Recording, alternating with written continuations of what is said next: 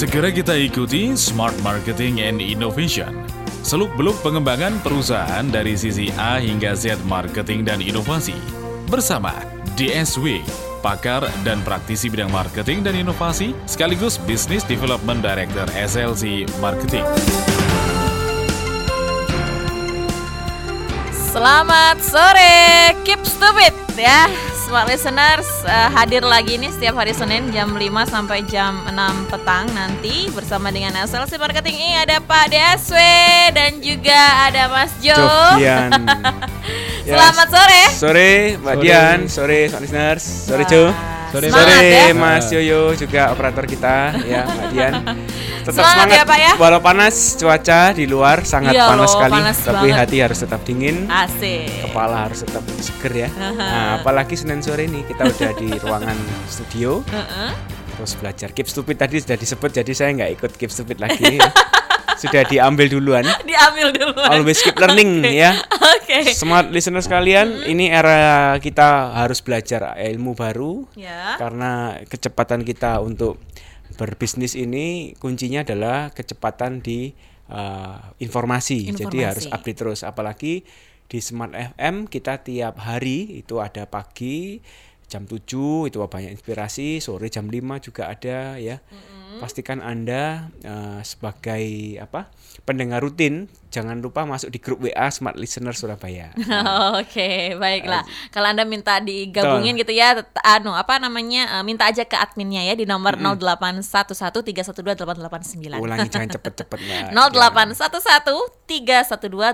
08113128889. Yes. Informasinya di situ pre-update terus nih sama admin saya ya. Betul dan informasi terkait seminar, update ya, ada event-event Ya. di Smart FM Betul. itu ada di grup WA ini. Jadi nggak sampai ketinggalan eh, s- apa event Beritanya. Ya, nggak sampai ketinggalan berita. Nah, Mbak Dian, Oke, apa kabarnya? luar biasa.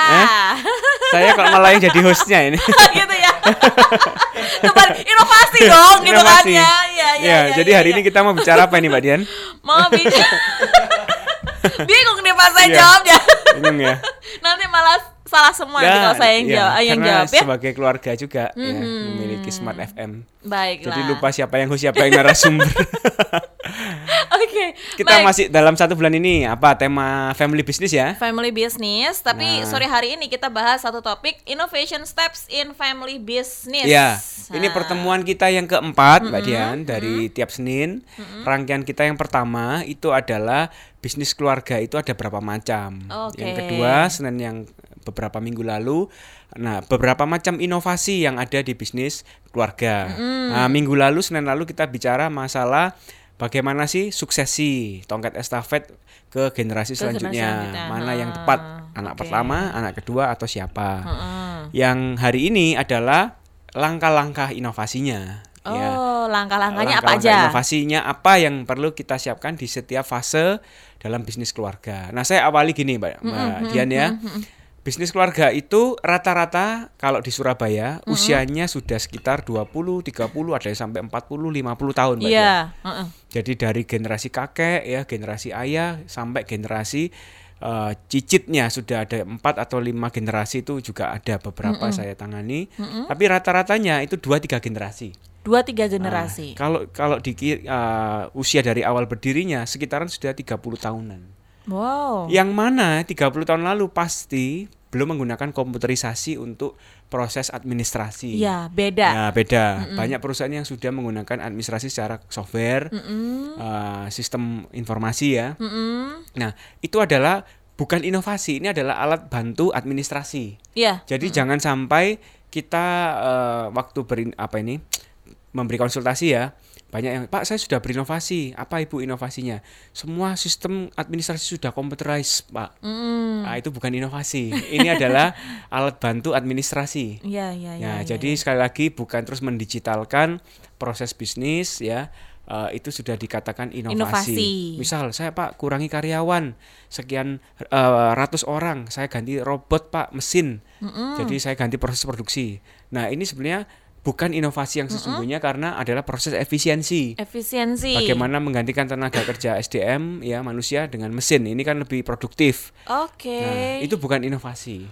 Inovasi, efisiensi eh, dengan eh, komputerisasi tadi sisi semua ya ini beda Betul. ya berarti ya Pak ya? Ya, karena dari SLC juga. Disambung-sambungin Iya, deh si, ini. si. Oke Dan oke. Yang pembicara juga Sandi namanya. I. Oke. Iya, iya, iya. kebetulan ya. Mhm. Ini Nah. berarti beda-beda dong. Nah, makanya inovasi ini harus eh, kita sepakati, Mbak Dian, persepsinya. Bahwa inovasi dari kata innovare. Innovare bahasa latinnya artinya novelty. Sesuatu yang nggak umum, sesuatu yang belum pernah ada, sesuatu yang belum orang lain gunakan. Oke. Artinya kalau kita mengklaim diri kita inovatif, berarti kita punya suatu strategi ya bisnis, eh, produk yang mana pelakunya masih sedikit, yang mana yang menggunakan sistem itu masih jarang. Ini yang kita harus eh, sepakati, Mbak Dian. Oke. Jadi bukan terus kita menggunakan komputerisasi seluruh administrasi pakai sistem IT, Pak. Itu inovasi bukan karena hampir semua menggunakan hal yang sama kan gitu. Mm, mm, mm, Itu, mm. jadi- Karena memang sudah zamannya seperti itu. Kalau nggak gitu kita malah banyak errornya karena Heeh. Bayangkan masih ada mesin ketik, ada pakai faktur pakai apa ya, bikin nota pakai manual, pakai tangan. Ini Iya, kan iya. nggak cepet juga. Cepet juga. Faktor salahnya man. Nah, kenapa kok resep dokter masih tulisan dokter ini ya? Perlu diulas. ya. Eh, Harusnya kan dokter bikin resep itu kan di print aja, Iya. diketik di Iya. ruang prakteknya. biar jelas juga Biar jelas tulisannya. juga. Eh, enggak ngono apoteker gak payu. Ya. ya jasa eh, enggak ini bercanda loh ya. Nanti yang dengerin saya apoteker bisa komplain ke saya. Ya kenapa Iya, tulisan tangan dokter kan susah dibaca, ya kan? Nah, kalau sekolah dokter itu mahal, Pak, gitu kan.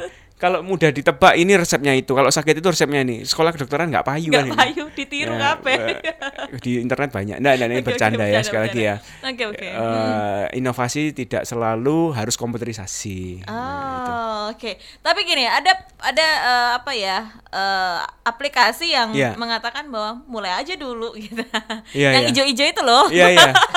Mulai aja dulu dari ya nggak apa-apa kita sebut. Kan minggu lalu kita baru ke sana Oke. di Jakarta Tokopedia Tower tanggal 10 kita ke sana company visit. Jadi luar biasa. Iya kalau yang hijau satunya Gojek kan pasti ada jalan. Hmm. Hashtag pasti ada jalan. Kalau Tokopedia sekarang hashtagnya mulai aja Mulai- dulu nah, mulai aja dari dulu. Tokopedia. Ini adalah sebuah inovasi di bidang tagline branding ya, bahwa Tokopedia ingin mengutarakan segala sesuatu ya ide inspirasi itu ada dari Tokopedia. mau bisnis Oke. kecantikan ada, Ada. mau bikin bisnis apa itu ada, Consumer goods ada. consumer good ada, seluruh produk ada di Tokopedia. Tokopedia. Jadi biar nggak bingung mau cari promo ada di Tokopedia, mau bikin usaha fotografi ada di Tokopedia carinya. Segala ada di Tokopedia. Oh. Ini inovasi di bidang marketing sih, Mm. membuat pencitraan ya akhirnya nancep di kepala karena Tokopedia kan lawannya Blibli, Shopee, Bukalapak yang semua jualannya sama. Kebanyakan tuh saya tanya pelaku bisnis ya, itu selalu daftarkan ke segala merek tadi. Iya. Dia misal jual apa Marketplace semuanya itu. Mm-mm, jual heeh. fashion gitu ya. Pak, saya daftarin semua di Bukalapak, Tokopedia, Blibli, Shopee, saya daftarin semua, Pak. Harganya sama, sama, Pak. Deskripsinya sama, sama, Pak.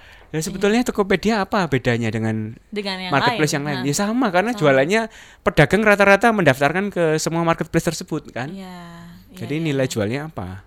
Mm-mm. Promonya kan beda-beda tuh Pak setiap marketplace kan. Nah, itu yang Nah, membedakan inovasi marketingnya. Oh, karena inovasi di produk sudah nggak bisa karena mereka bukan produsen, mereka adalah marketplace. Nggak bisa inovasi produk. Inovasinya marketing akhirnya. marketing Nah, jasanya. kalau ya. Anda di pelaku bisnis produsen, inovasi produk ini penting. Hmm, ya, kalau Anda di bidang eh, jasa, inovasi servis, nah itu yang lebih penting. Hmm, oke.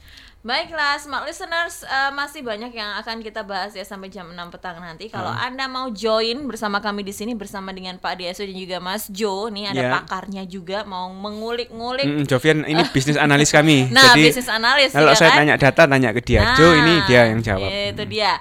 Ya, kalau Anda punya pertanyaan seputar tema kita yaitu Innovation Steps in Family Business, silahkan untuk join sekarang juga Ya. di 031 732 1498. 732 1498. Atau Kalau mungkin- yang interaksi saya kasih tiket nih. Ah, Nah, oke. tiket Chamber Innovation senilai 750.000 tanggal 24 Oktober. 24 Oktober Satu ya. tiket aja Satu ya. tiket aja Lumayan loh. dibagikan. Lumayan Besar nih bisa loh itu. belajar di situ ya.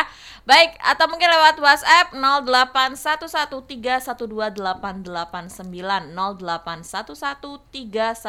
08113128889. Bisa juga sampaikan pertanyaannya lewat live Instagram dan juga live YouTube dari Smart FM Surabaya ya. Ya karena kita juga melakukan live YouTube dan juga live Instagram dan Pak DSW juga melakukannya gitu ya. Ya, betul. Ini kita lagi live di beragam channel ya. Yang pasti 889, yang kedua ada di IG Live Sandi Wahyudi DSW, ada di YouTube Live dua channel nih, Smart FM Surabaya, satunya SLC Marketing Inc. Oke. Ini ini masuk inovasi juga nggak sih? Eh, rata-rata kalau radio yang sama melakukan, nah berarti bukan inovasi. Bukan inovasi, Iya. ya. Jadi kuncinya adalah eh, banyak yang melakukan enggak gitu. Kalau sudah banyak ya Oh. sudah umum berarti Sudah kan. umum dan itu bukan Uh-uh. ya. Trendsetternya siapa dulu? Nah itu siapa be the first or be better itu inovasi. oh. Be the first or be better. Oke, baiklah eh, kita akan kembali setelah jeda iklan. Oke, balik lagi ya semua listeners ya. Terima kasih untuk Anda yang masih stay tune terus. Pastinya masih dong ya untuk Anda pendengar setia dari Smart FM Surabaya nih ada Pak DSW bersama juga Mas Jo dari. SLC Marketing Inc. yang sore hari ini membahas innovation steps in family business. Ya. Oke, baiklah. Kalau tadi kita sudah bahas tuh satu uh, marketplace yang mengatakan bahwa mulai aja dulu. Memang kalau misalnya kita nggak mulai itu kapan lagi mau mulai gitu ya? Kalau nggak dimulai-mulai kapan kita mau berinovasi? Iya. Nah, Jadi inovasi itu kan eh, suatu apa terminologi aja. mm, Setiap orang mengatakan oh ini inovasi Pak, padahal itu adalah umum ya kan. Ini inovasi kami Pak bul- tahun ini karena kompetitor tahun lalu sudah melakukan. Nah itu dikata inovasi di perusahaannya. It's okay. Oh. Jadi itu nggak ada batasan mana benar mana salah ya. jadi sesungguhnya adalah kalau menurut eh, kamus inovasi itu innovare tadi saya sudah bilang bahasa latinnya adalah novelty sesuatu yang baru mm, yang belum pernah ada orang coba dan kita perusahaan kita coba ya kan? Mm. tapi kalau sebetulnya nggak ada sesuatu yang baru semua ini kan mengulang semua ini hanya eh, ATM ya amati tiru, Tiru, modifikasi, modifikasi. Nah sebetulnya kita konteskan aja ke tim kita di perusahaan kita. Mm-mm. kalau tahun depan kita mau inovasi nih misal kita kan lagi mau raker ya. Mm-mm. mau tutup tahun kita evaluasi inovasi apa ke tahun depan sebaiknya nah ini kan bahasan yang menarik lebih untuk applicable ya Oke. Nah, berangkat dari kita tahun ini ngelakuin apa, gagal di mana, capaian kita apa, berhasil karena apa. Nah, itu dulu harus dipelajari. Ini step awal. Step awal adalah insight yang kita peroleh dari tim kita sendiri ya. Oke. Nggak harus bikin sesuatu yang benar-benar totally new, totally different karena pasti resikonya besar. Kita mau edukasi pasar juga nggak gampang. Market kita ini kadang juga harus diyakinkan. Mm-mm. Nah, bikin suatu hal yang kecil tapi itu menjadi uh, nilai baru, uh, semangat baru buat Semangat tim baru. kita. Uh, antusias baru ya, khususnya untuk tim produksi, tim marketing, ada sesuatu yang baru yang kita mau capai tahun depan. Hmm, Nah, gitu. baru buat perusahaan aja, nggak usah baru buat uh, market karena market pasti sudah tahu pesaing kita lebih duluan. Oke. Jadi inovasi yang secara internal aja Mm-mm. dan itu kita jadikan tagline. Ini ada salah satu mungkin dengar juga kita live ini saya sapa dulu ya Pak Hitekun dari PT Tata Rapika. Mm-mm. Itu beliau punya tagline untuk timnya. Ya, lebih baik ya, tahun ini lebih baik. Oh. TRG lebih baik. Ini yang menurut saya eh, di, di organisasi harus ada suatu apa budaya yang diciptakan untuk improvement. Kaizen ya, eh, continuous improvement, selalu ada hal baru. Udah baru. Mm. Nah, kayak seperti Gojek itu kan pasti ada jalan. Itu ingin memberikan makna buat beberapa segmen. Pertama, buat para abang kita Gojek ya, yang driver bahwa GPS pun yang ngadat pasti ada jalan tembus gitu.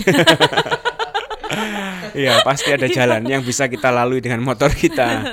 Itu kalau yang bagi para merchant, para pemilik GoFood atau apa restoran ya, pasti ada jalan artinya apa? Bahwa kalau dulu cara jual yang lama nggak bisa, bahwa customer yang dine in, yang walk in semakin sedikit, pasti ada jalan, yaitu omset tetap nambah dengan cara uh, take away, Online, eh, take take away away, atau online ini go- dengan Go, GoFood contohnya, itu pasti ada jalan.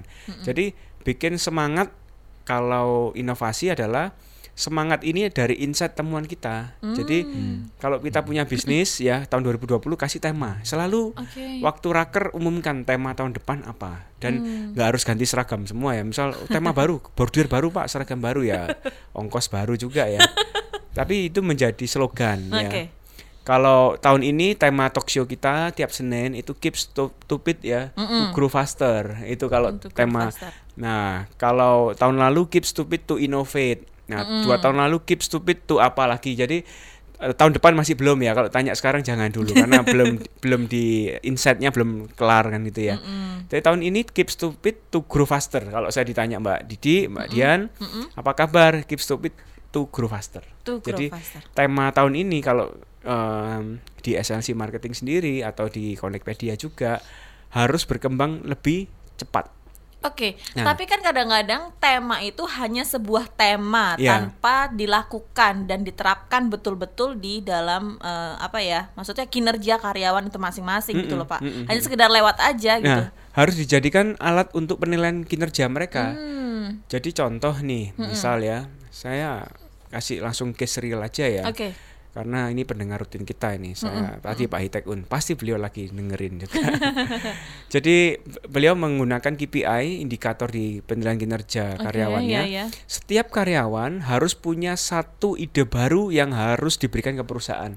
Kalau enggak nilainya rapornya dikurangi Dikurangi, turun. turun. Mhm. Jadi walau omset tercapai tapi dia nggak punya sumbangan ide untuk perbaikan maka nilainya dikurangi. Nah ini adalah Hmm. bentuk konkret, bentuk nyata, suatu semangat menjadi kenyataan.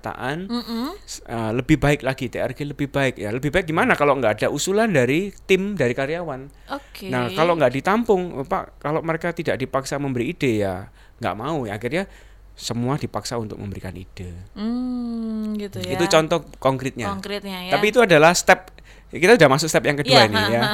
Jadi dari step satu insight dulu dari pasar kita ini posisinya lagi di mana gitu kan. Posisi di market seperti apa itu step satu harus harus cari data, survei data dengan online atau offline. Ya ini Jovian yang sering banyak bantu survei online. Nah, kita kepingin eh, apa namanya tahu dibanding pesaing kita ini di benak konsumen itu seperti apa Hmm. gitu ya mbak mbak Dian ya. itu mencari insight. Yang kedua adalah merumuskan tagline. Ini yang yang sebetulnya tadi contoh-contoh pasti ada jalan eh, apa mulai aja dulu dari Tokopedia dan seterusnya ya. Mm-mm. nah keep stupid to grow faster. Itu adalah step kedua.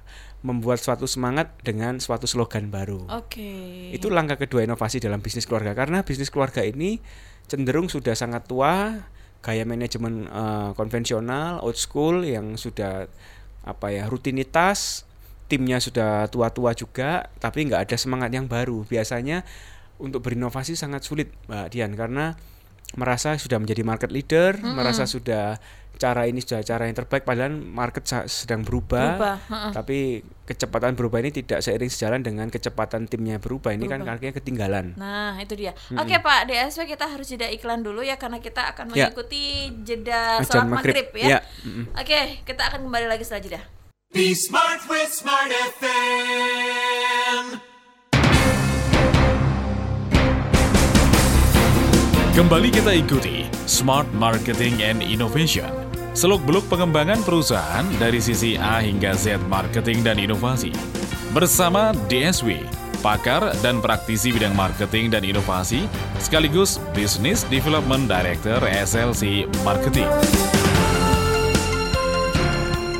Oke, terima kasih semua listener sudah masuk di sesi ketiga kebersamaan Iya. kita sore hari ini ya. Tetap stay tune terus sampai jam 6 petang nanti karena masih banyak sekali yang akan kita bahas ya.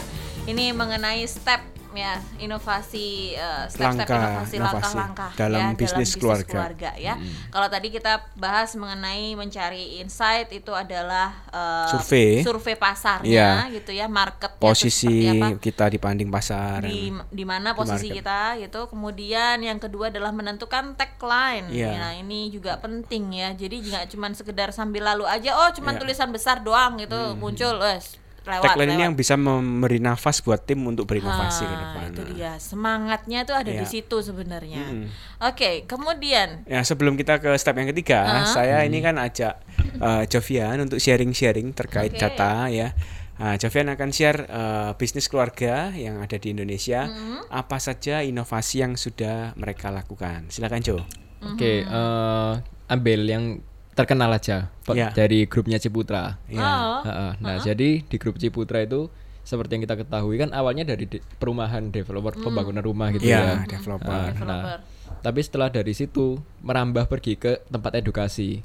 Nah, sel- dari tempat edukasi juga ada mall, mall Ciputra. Oh, maksudmu Ah, sekolah, ah, kampus, sekolah, kampus. ya, mall. Betul. Lalu juga ada rumah sakit, Pak. Rumah Saya- sakit ya. Rumah sakit. ya. Itu saya cari-cari di Google, itu ketemu ada. Terus juga ini main kalau nggak salah lebih ke apa telco juga ya, provider internet seperti itu.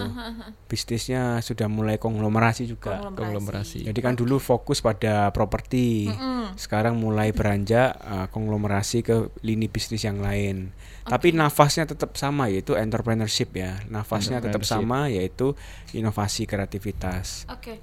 Nah, kalau misalnya berdasarkan analisa nih, ada nggak sih bisnis yang susah banget untuk eh, apa ya berinovasi gitu? Mm. Ada nggak sih?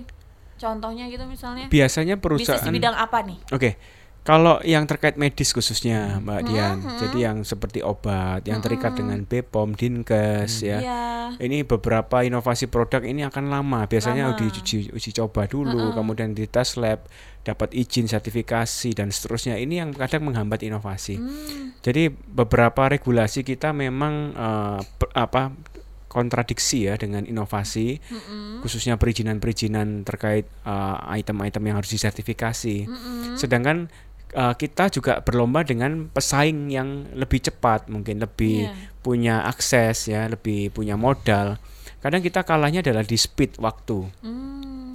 Jadi inovasi bicara kompetensi dan speed. Mm-mm. Nah, dan timing juga untuk masuk ke pasar. Jadi kalau kompetensinya ada tapi speednya nggak ada ya kalah kalah cepet kan. Sebaliknya dia speednya masuk duluan tapi ternyata servisnya nggak bagus, produknya nggak berkualitas. Ya udah dapat izin karena dia kenal orang dalam BPOM dan seterusnya. ternyata eh, banyak yang apa keracunan dan seterusnya. Ini kan juga gagal juga inovasinya. Jadi inovasi adalah sesuatu yang diterima pasar dan itu sustain. Oh, Kuncinya adalah diterima oke. dan sustain. Jadi kalau diterima awal, tapi orang cuma coba-coba tok gitu ya, nggak lama dia nggak balik, artinya cuma sekali beli aja, maka ino- itu bukan inovasi. Ya orang karena pada dasarnya kan bosen, jenuh, ingin coba hal baru. Nah tapi kalau produk kita udah dibeli dan dibeli lagi dan dibeli lagi dan dibeli lagi, berarti produk ini sudah dikatakan inovatif. Hmm, Nah, gitu. jadi speed kompetensi ini yang eh, apa harus dilakukan. Oke. Ya, thank- you Jo ya untuk ada Iya, lagi Pak. kamu bisa sharing ya Jo. Siap, Hmm. Pak. Mbak Dian mungkin mau tanya apa sebelum saya ke step ketiga nih. Tadi masih Oke, dua oke, step oke, loh. oke. Iya iya iya iya iya. Eh, inovasi eh, inovasi itu adalah sesuatu yang berarti kalau misalnya produk barang dan jasa itu inovasinya pasti beda dong. Maksudnya yang akan dilakukan pertama kali apakah semuanya sama step-stepnya seperti itu, Pak? Ya. Jadi kalau kita konteks bisnis keluarga, sekali lagi karena sudah lama sekali bisnis ini berjalan puluhan tahun ya. Artinya semangatnya ini kan semangatnya di tangan pendiri, founder biasanya. Jadi kalau foundernya berubah, anaknya udah mulai masuk, biasanya semangatnya berubah. Oke. Nah ini yang terkadang ada yang perusahaan lebih jos inovasinya karena anaknya ini lebih spiritnya kuat ya karena dia lebih ngerti lapangan. Anaknya juga ini sama orang-orang karyawan lama juga dekat. Wah ini yang andalan kan gitu. Tapi biasanya anak dari Amerika pulang dari Singapura lulus dari sekolah-sekolah ternama dengan ingin merubah gaya manajemen keluar bisnis keluarganya dengan cara baru tapi uh, retensi terjadi orang-orang lama nggak seneng sifat karakternya anak ini bosi ya kemudian gaya manajemennya nggak sesuai maka inovasi biasanya nggak lama. Biasanya malah merusak bisnis keluarga itu sendiri. Makanya sebelum sebelum melakukan inovasi sebaiknya riset dulu ya. Survei dulu dibanding pesaing kita seperti apa. Walau kita market leader ya kebanyakan bisnis keluarga di Surabaya ini perusahaan elektronik ya sebut Mas Pion perusahaan kopi kapal api sebut kapal api Surabaya ya. Uh, banyak perusahaan bisnis keluarga dari Surabaya yang kuat biasanya menjadi market leader di Indonesia loh ya saya bilang Iya. konteksnya ya kenapa karena kota pahlawan Oke. biasanya pahlawan itu menang toh ya Iya, Nah, iya. market leader itu pemenang maksudnya ya bangga lah jadi orang Surabaya ini saya bangga ya tempat pahlawan berada ini ya Oke. Ya. amin ya Amin ya. Ya, hidup Bu Risma kan gitu Iya ya. iya. iya. Syukur ya bisa tinggal di Surabaya, lahir di Surabaya, area-area Iya, Surabaya bonek ini. kan gitu ya. Bonek. Banyak pengusaha papan atas di Jakarta itu aslinya orang Surabaya loh Oke, Ya, baiklah. sukses lah ya kalau bikin bisnis karena semangatnya bonek, bondo nekat. Itu adalah step yang ketiga, bonek tadi. Jadi jadi selain kita tahu uh, insight ya, uh, market persepsi pasar, persepsi dibanding kompetitor, kita kedua adalah semangat baru. itu berarti sudah generasi kedua mulai dilibatkan untuk berinovasi. Kalau bisa jangan dia tinggal sendiri, eh, pendiri juga ikut menyertai, ya anaknya mau bikin apa, eh, orang tua juga komitmen menyertai. Jadi bukan terus wes kon gawe bisnis nyar meneh, tak modali yo anakku, bikin bisnis baru kon berkembang. Nah kamu baru bisa masuk ke holding, baru bisa masuk ke grup kita. Jadi wes di trial dulu anaknya ini mampu nggak. Ini kan juga resiko anaknya juga perlu support moral juga ya. I pinter pasti pinter, tapi kan perlu dukungan moral karena anak-anak baru umur 20 30 ini kan masih kadang perlu diarahkan. Nah, ini jadi yang kedua tadi adalah semangat baru, bikin slogan baru untuk tahun 2020. Eh, lebih baik lagi contoh atau oke. apa misal customer is number one nah, atau apa yang kurang lebih sering kita dikomplain di mana lah gitulah inovasi itu berangkat dari komplain. Komplain. Kalau kita berangkat dari ingin mengalahkan pesaing kita akan picik kita akan buta kita akan sengsara sendiri. Karena kita nggak tahu kekuatan pesaing seperti apa. Tapi kalau kita berangkat inovasi dari komplain yang sering kita ta- Terima. hadapi terima kita tahu internal kita tahu kapasitas kita kita tahu mau ke mana. Oke. itu akan lebih sustain akan lebih jangka lama. Jadi Oke. sebaiknya bikin slogan yang internal aja yang bisa diterima semua tim kita. Gitu Oke, berarti kalau misalnya Ya. ada komplain itu jangan marah-marah dulu. betul mbak Dian Tapi di situ kita bisa belajar. customer gitu ya. komplain karena sayang sih Nah, oke. kalau Ya. customer nggak komplain itu dua kemungkinan karena kita udah bagus atau karena dia berjanji nggak beli kita lagi ditinggalin. tinggalin iya toh Dua makna. Dua makna. Iya, Dua makna. Nah, tapi berbeda. customer yang komplain Iya, pasti sayang karena apa kalau customer nggak komplain Iya. kan karena dua makna Heeh. tapi kalau customer komplain pasti cuma satu makna kepengin lihat kita lebih baik lagi Asik. Tapi kalau ada customer yang rese, cari-cari ya itu memang outliers ya, memang di luar ka- kapasitas kita. Nah. Karena ada yang cari istilahnya apa lubang yang kita dia minta promo, minta apa kan itu banyak yang bencekno juga ya. itu tahu. mencek no. Waduh, Surabaya banget tuh mencek no. Iya. Bagi pendengar yang dari luar kota Surabaya kan kita live ini beberapa channel ya. Iya. Mencekno itu artinya apa ya? Nyebelin. Menyebelin ya. Menjengkelkan. Jengkelin. Jengkelin, jengkelin, Ah, ya. Oke. Baik, Iya, iya. kemudian ah, lanjut lagi step yang ketiga. Step ketiga, step ketiga ini yaitu bonek. Bonek. Jadi kita harus trial and error. Jadi ada kata trial and error. Artinya kita coba dan gagal. Ya, better mencoba daripada kita meratapi karena nggak pernah mencoba. Hmm. Kemungkinannya dua, 50-50. Kalau kita mencoba sesuatu hal baru itu kan bisa berhasil, bisa gagal. Oke. Tapi minimal kita sudah mencoba peluang 50-50 ketimbang 100% kita gagal kalau kita nggak ngelakuin sesuatu yang baru. Saya ulangi ya, ini penting soalnya maknanya. Bonek ini kan harus berani melangkah, berani mencoba hal baru tahun depan. Minimal ada hal baru. Walau kita coba kemungkinannya dua, berhasil 50%, gagal 50%. Tapi sesungguhnya kalau kita sudah melalui step 1, step 2, Mbak Dian, angka kegagalan itu persentasenya sudah mungkin nggak 50-50 ya, tapi 70-30 atau 80-20 karena kita udah filter kan. Oke. Betul ya, artinya Iya, kita iya. bikin ide itu nggak ngawur, tapi berangkat dari insight. Bikin ide nggak ngawur karena kita sudah mengkonsolidasi tim, kita sudah satu semangat, satu persepsi, satu visi tahun depan lebih baik. Ya kita bikin ide yang nggak ngawur kan itu ya. Jadi yang ketiga ini harus coba di trial yang kita idekan ini harus jadi kenyataan kan gitu. Mm-mm. Mm-mm. Contoh tadi Pak Itek oh, bikin indikator khusus kalau semua karyawan bikin satu ide kalau enggak nilainya dikurangi itu adalah trial. Walau mungkin ada retensi aduh ideku podo terus tiap bulan nih ide apa? Akhirnya ide ngawur ya. Ini kan juga akhirnya bahaya buat perusahaan. Pokok ono ide misalnya ide ngawur pokok ide. Nah itu kan juga bahaya. Ini kan ada errornya juga. Nah ini minimal kita udah coba Oke. itu trial error yang ketiga Mbak Dian Hmm. mau langsung atau sesi berikutnya Oke. atau ini saya tunggu interaksi ya Iya, ada WhatsApp yang sudah bergabung ini dari Pak Roni, tapi nggak disebutin dari mana Pak Roni ya. Terima kasih Pak Roni sudah bergabung. Ini eh, mau tanya sih sebenarnya, bagaimana jika eh, karyawan ini isinya generasi baby boomers? Nah, itu yang udah usia usek toswe ya, 50 Ah, tahun usia ke atas. 50 tahun ke atas Iya. ya, suwe-suwe. Iya. Sementara saya ini adalah generasi kedua dari perusahaan, Heeh, gitu ya. Saya mau Menarik. berinovasi. Pak Roni ini Ya. banyak Pak yang eh, saya temui seperti Bapak ini ya. Jadi Pak Roni ini generasi kedua, usia mungkin saya tebak sekitar 30-an. 30-an. di mana perusahaan bisnis keluarga Bapak ini sudah eksis katakan 30 40 tahun, mungkin Bapak sejak kecil bisnis sudah, Sudah berdiri. di.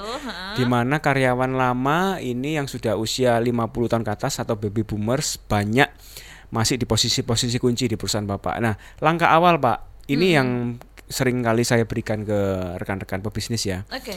Satu, Pak, libatkan mereka untuk berinovasi. Hmm. Kalau mereka mikir udah gak usah inovasi, oh gini aja jalan. Nah, Mhm. ya bentar lagi mereka harus pensiun juga ya, Pak ya. Cuma kalau di pensiun dini mahal, Pak, pensiunnya.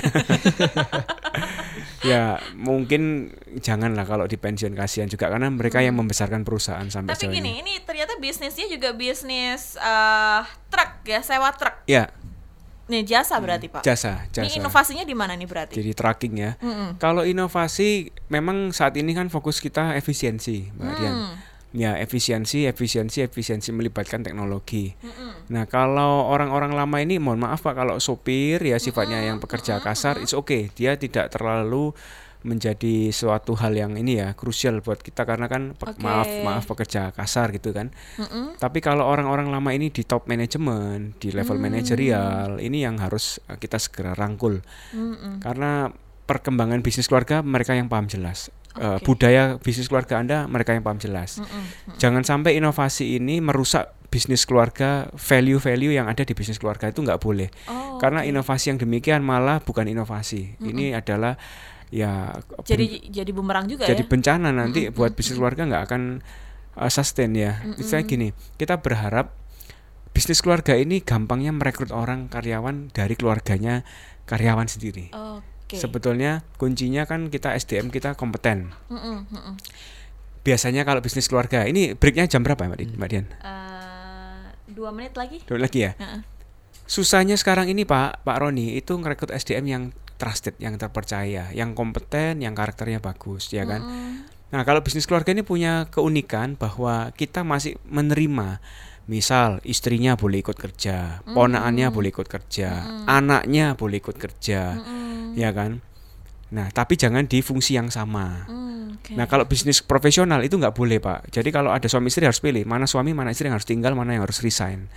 Nah, keunikannya adalah kita pasti bisa pegang kepala orang ini dari misal contoh. Mm-mm. Ada karyawan Bapak yang mau masukkan anaknya.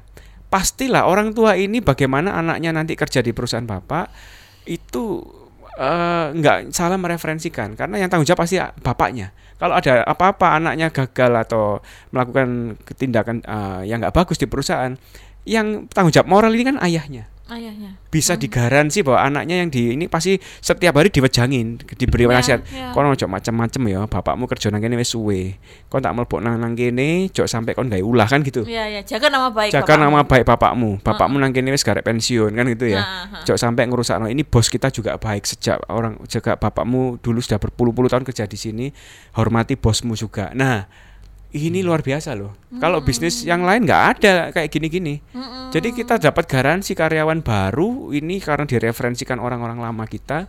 Bisnis keluarga kita, bahkan ya keluarga mungkin bahkan Nah. iya. Bisnis kita itu lebih kuat loh. Oke. Karena eh, apa? nggak usah mentoring coaching dari luar eh, profesional coach Wah, dihadirkan bayar mahal. Bapak dewe udah di coachingnya dewe gitu loh.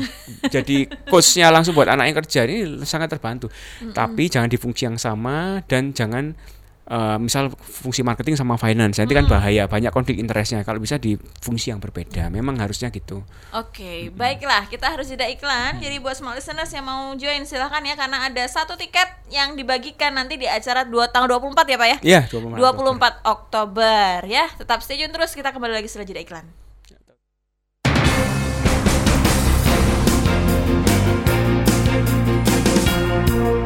Smart Marketing and Innovation akan kembali sesaat lagi.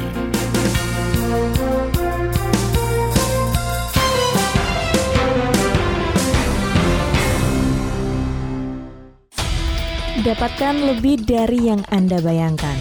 Bersama MNC Vision, pionir TV berlangganan terkemuka di Indonesia. Dan MNC Play, penyedia layanan high-speed internet dan interaktif IPTV. Nikmati promo spesial bagi Anda pelanggan baru MNC Vision dan MNC Play. Bebas pilih tayangan favorit Anda dengan membeli paket Family Pack nikmati lebih dari 130 channel unggulan dari beragam genre. Beli satu paket tambahan favorit Anda, bebas pilih satu paket tambahan gratis dengan harga yang sama atau di bawahnya. Syarat dan ketentuan berlaku. Info lebih lanjut hubungi customer care MNC Vision di 021 21 500 900 atau kunjungi www.mncvision.id subscribe dan customer care MNC Play di 021 1 500 121 atau kunjungi www.mncplay.id subscribe. MNC Vision dan MNC Play leading the happiness. Small listeners, banyak keuntungan bisa diraih melalui pasar modal, namun belum banyak dinikmati oleh investor dari tanah air. Investasi asing masih mendominasi yang mengganggu stabilitas pasar. Hal ini dikarenakan masih kurang mengertinya bagaimana cara mendulang untung dari pasar modal. Banyak orang memutuskan untuk langsung membeli saham tanpa mempertimbangkan dasar pemahaman strategi saham ini sehingga menimbulkan kebingungan di kemudian hari. Apa rahasia mendulang untung dari saham? Bagaimana strateginya membeli saham agar untung? Apa saja pertimbangan dalam memilih dan membeli saham? Bagaimana pula strategi membeli saham ketika harga saham menurun? Dan apa pula yang harus dilakukan agar tetap untung di tengah naik turunnya harga saham? Smart FM bersama Landmark Mall Surabaya mempersembahkan seminar kaya dengan saham strategi sukses trading saham ala Ellen May, seorang trader dan investor sukses yang sudah berpengalaman sudah sejak tahun 2007 dan survive melewati krisis hebat tahun 2008 bahkan menghasilkan keuntungan besar sejak krisis tersebut. Dan beliau dikenal sebagai pakar saham Indonesia. Seminar dilaksanakan pada Jumat 18 Oktober 2019 mulai jam 1 siang sampai 5 sore di Atrium Landmark Mall Surabaya. Segera daftarkan diri Anda dengan menghubungi Yunita di 081 515 269 683 atau Kosim 0811 341 9287. Dipersembahkan Smart FM Surabaya dan Landmark Mall. Didukung oleh Sekor Sekuritas dan IBS. Be smart with Smart FM.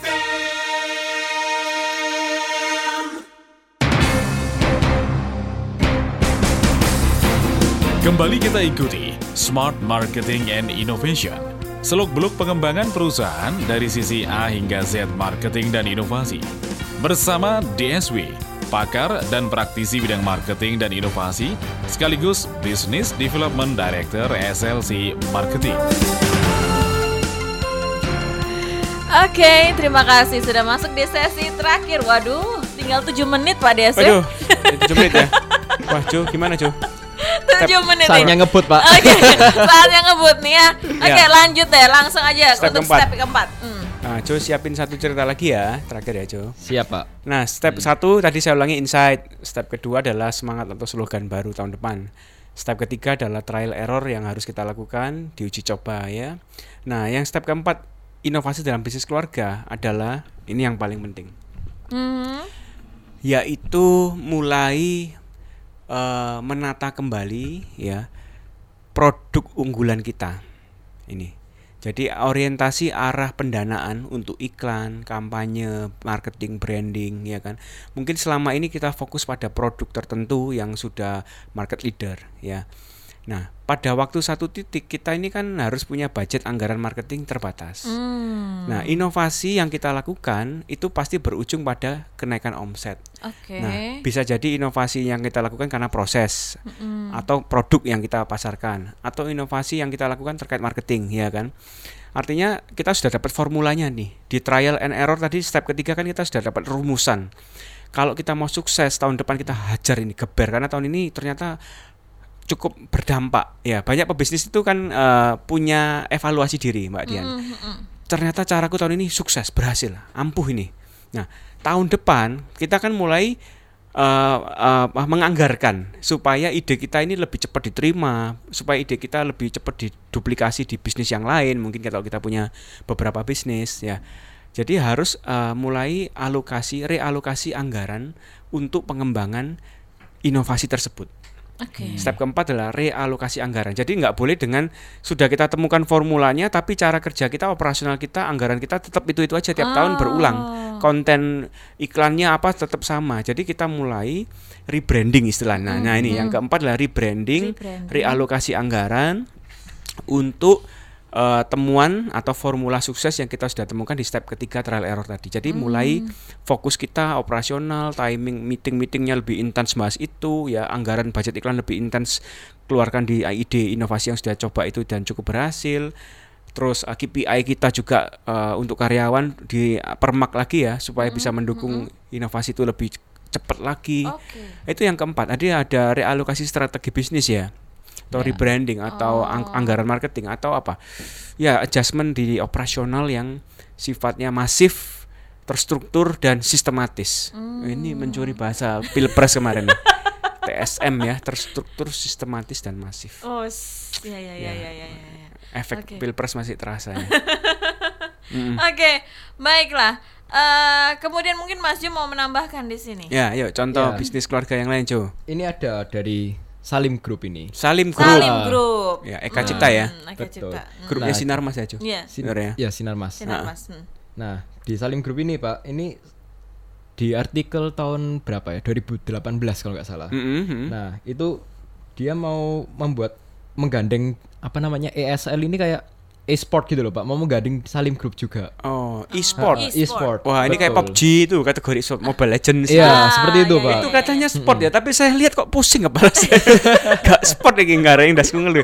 Mungkin kalau anak-anak muda, anak-anak saya deh sampai satu itu saya lihat main PUBG, main apa itu ya. Kok gak matanya ya kuat ini. Aku ndelok 5 menit ndasku ngeluh dia. Kalau ya. kalau kita udah mata-mata tua nih, Pak. Iya. Tapi memang sport sport mata menurut saya. Iya, iya, iya. Bikin capek matanya. Sport mata. Sport mata. Oke.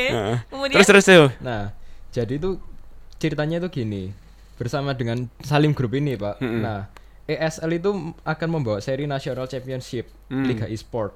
Wah, menarik ini. Nah, Hmm, karena kalau nggak salah Menyasar saya- segmen Nah, milenial ini ya, cuy ya, segmen muda ya, Gen Z ya. Mm-mm, betul, karena gini, Pak. Kalau menurut saya dari e-sport sendiri di Indonesia itu marketnya itu sudah mulai berkembang, sudah Berkembang besar. besar. Oke. Jadi mungkin dilihatlah peluang itu, Mm-mm. makanya itu digandeng juga sekalian masuk ke ranah itu. Iya. Sebenarnya kan malah nggak ada hubungannya ya. Iya. Dari Betul. grup sinar, Sinar Mas itu kan Mas ciwi ke kimia tuh iya, pabrik iya. kertas ya, ya. sawit ke e-sport. tapi lebih ke elektronik sekarang digital ya peluang besar itu ya Jo Betul. nah ini inovasi menurut saya juga loh, itu kan banyak pak pelaku bisnis gamer gamers yang bikin game developer kan banyak Iya. ya tapi bagi konteks Sinarma sendiri Salim Group ini ini adalah hal baru Hal buat baru. bisnis karena bisnisnya kan Beda banget. sawit lah pabrik kertas itu Iya, kan iya. old school semua ya Iya. eh, bisnis lama kan ini inovasi karena pasti banyak retensi dari yang tadi contoh Pak Roni tuh Oke. uh, yang di WA Iya, iya. tadi orang-orang lama semua Pak di ngerti wong main i apa PUBG gak iso kok Iya toh ma- main e-sport aja ndak bisa kok bikin ide nah tapi mereka punya wisdom Mm-mm. Bahwa untuk ngelola keuangan untuk startup bisnis untuk hal-hal gini mereka punya wisdom yang Mm. kita generasi muda ini nggak bisa nututi ide mereka ya, cara kelola uh, Oke. seperti itu Baiklah. Jadi wisdomnya yang kita yang butuhkan kita wisdomnya pak. Tapi kalau kontennya Hmm. ya, produk IT teknologinya jangan mereka. Oke, baiklah. Iya. Eh, terakhir nih Pak, benang merah dari perbincangan kita sore hari ini apa nih? Ya, kalau bisnis keluarga mau bertahan 20-30 tahun lagi, ya inovasi dari sekarang. Inovasi libatkan dari tim inti, ya rangkul orang-orang lama karena mereka lah yang bisa membuat bisnis bertahan sekian puluh tahun. Pasti mereka juga punya wisdom untuk bisa memberikan nasihat buat kita untuk bisnis kita bisa bertahan 20-30 tahun lagi. Nah, langkahnya saya ulang, saya rekap. Step pertama insight. Step kedua adalah bikin slogan baru untuk tim kita. Step ketiga trial error. Step keempat, nah ini baru rebranding, realokasi bisnis strategi atau operasional, anggaran dan seterusnya marketing.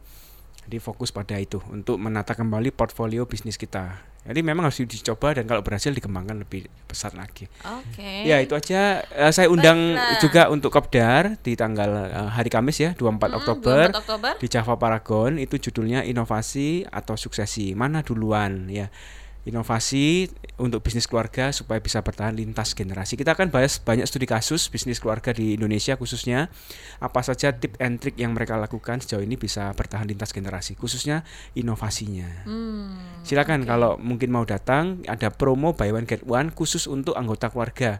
Suami ajak istri, beli satu aja bisa ajak istri. Tapi jangan ajak istri tetangga nggak bisa. Ya. Istri-istri yang lain ya, waduh, jangan. Istri sah ya. Kalau Anda adalah seorang pendengar adalah anak, misal Pak Roni ajak orang tua, Anda cukup beli satu eh, bisa ajak ayah atau ibu Ayah, Anda. iya. Dan sebaliknya, ajak keluarga yang satu darah ya. Oke. Ajak kakak atau adik bisa. Loh Pak, Oke. bisa tahu dari mana kalau saya satu keluarga? Saya kan bisa ngasal aja ngaku. ngaku-ngaku. Iya, Tuhan yang membalas Anda. Ini jangan. Singkat padat jelas dan menakutkan. Iya, iya, iya, iya. Oke, baik sekali lagi terima kasih Pak Jo untuk waktunya, waktu sharing-sharingnya luar biasa nih kita bisa kebuka lagi mengenai bisnis Heeh. keluarga. Ini masih tema kita loh, Mm-mm. smart listeners ya. Eh, kita ketemu lagi minggu depan ya Pak ya dengan topik dan bahasan yang Yes, berbeda betul. tentunya. Mm-mm. Dan sukses terus nih, monggo. Saya kembalikan lagi deh. Saya ingin jangan waktu orang Mas Ah, udah habis. Udah habis ya. Oh ya, ya sudah goodbye smart listeners ya. Kita ending dulu nih. Iya, Akhir dulu. eh, Akhir kata saya Darmata pamit undur diri. Saya Yoviana Triansyah. Dan only marketing can drive innovation. Saya DSW Dr. Sandi Wahyudi hanya untuk Smart Smart, FM. FM. Demikian telah kita ikuti Smart Marketing and Innovation. Seluk-beluk pengembangan perusahaan dari sisi A hingga Z marketing dan inovasi bersama DSW, pakar dan praktisi bidang marketing dan inovasi sekaligus Business Development Director SLC Marketing. Ikuti inspirasinya setiap hari hanya di 889 Smart FM Surabaya.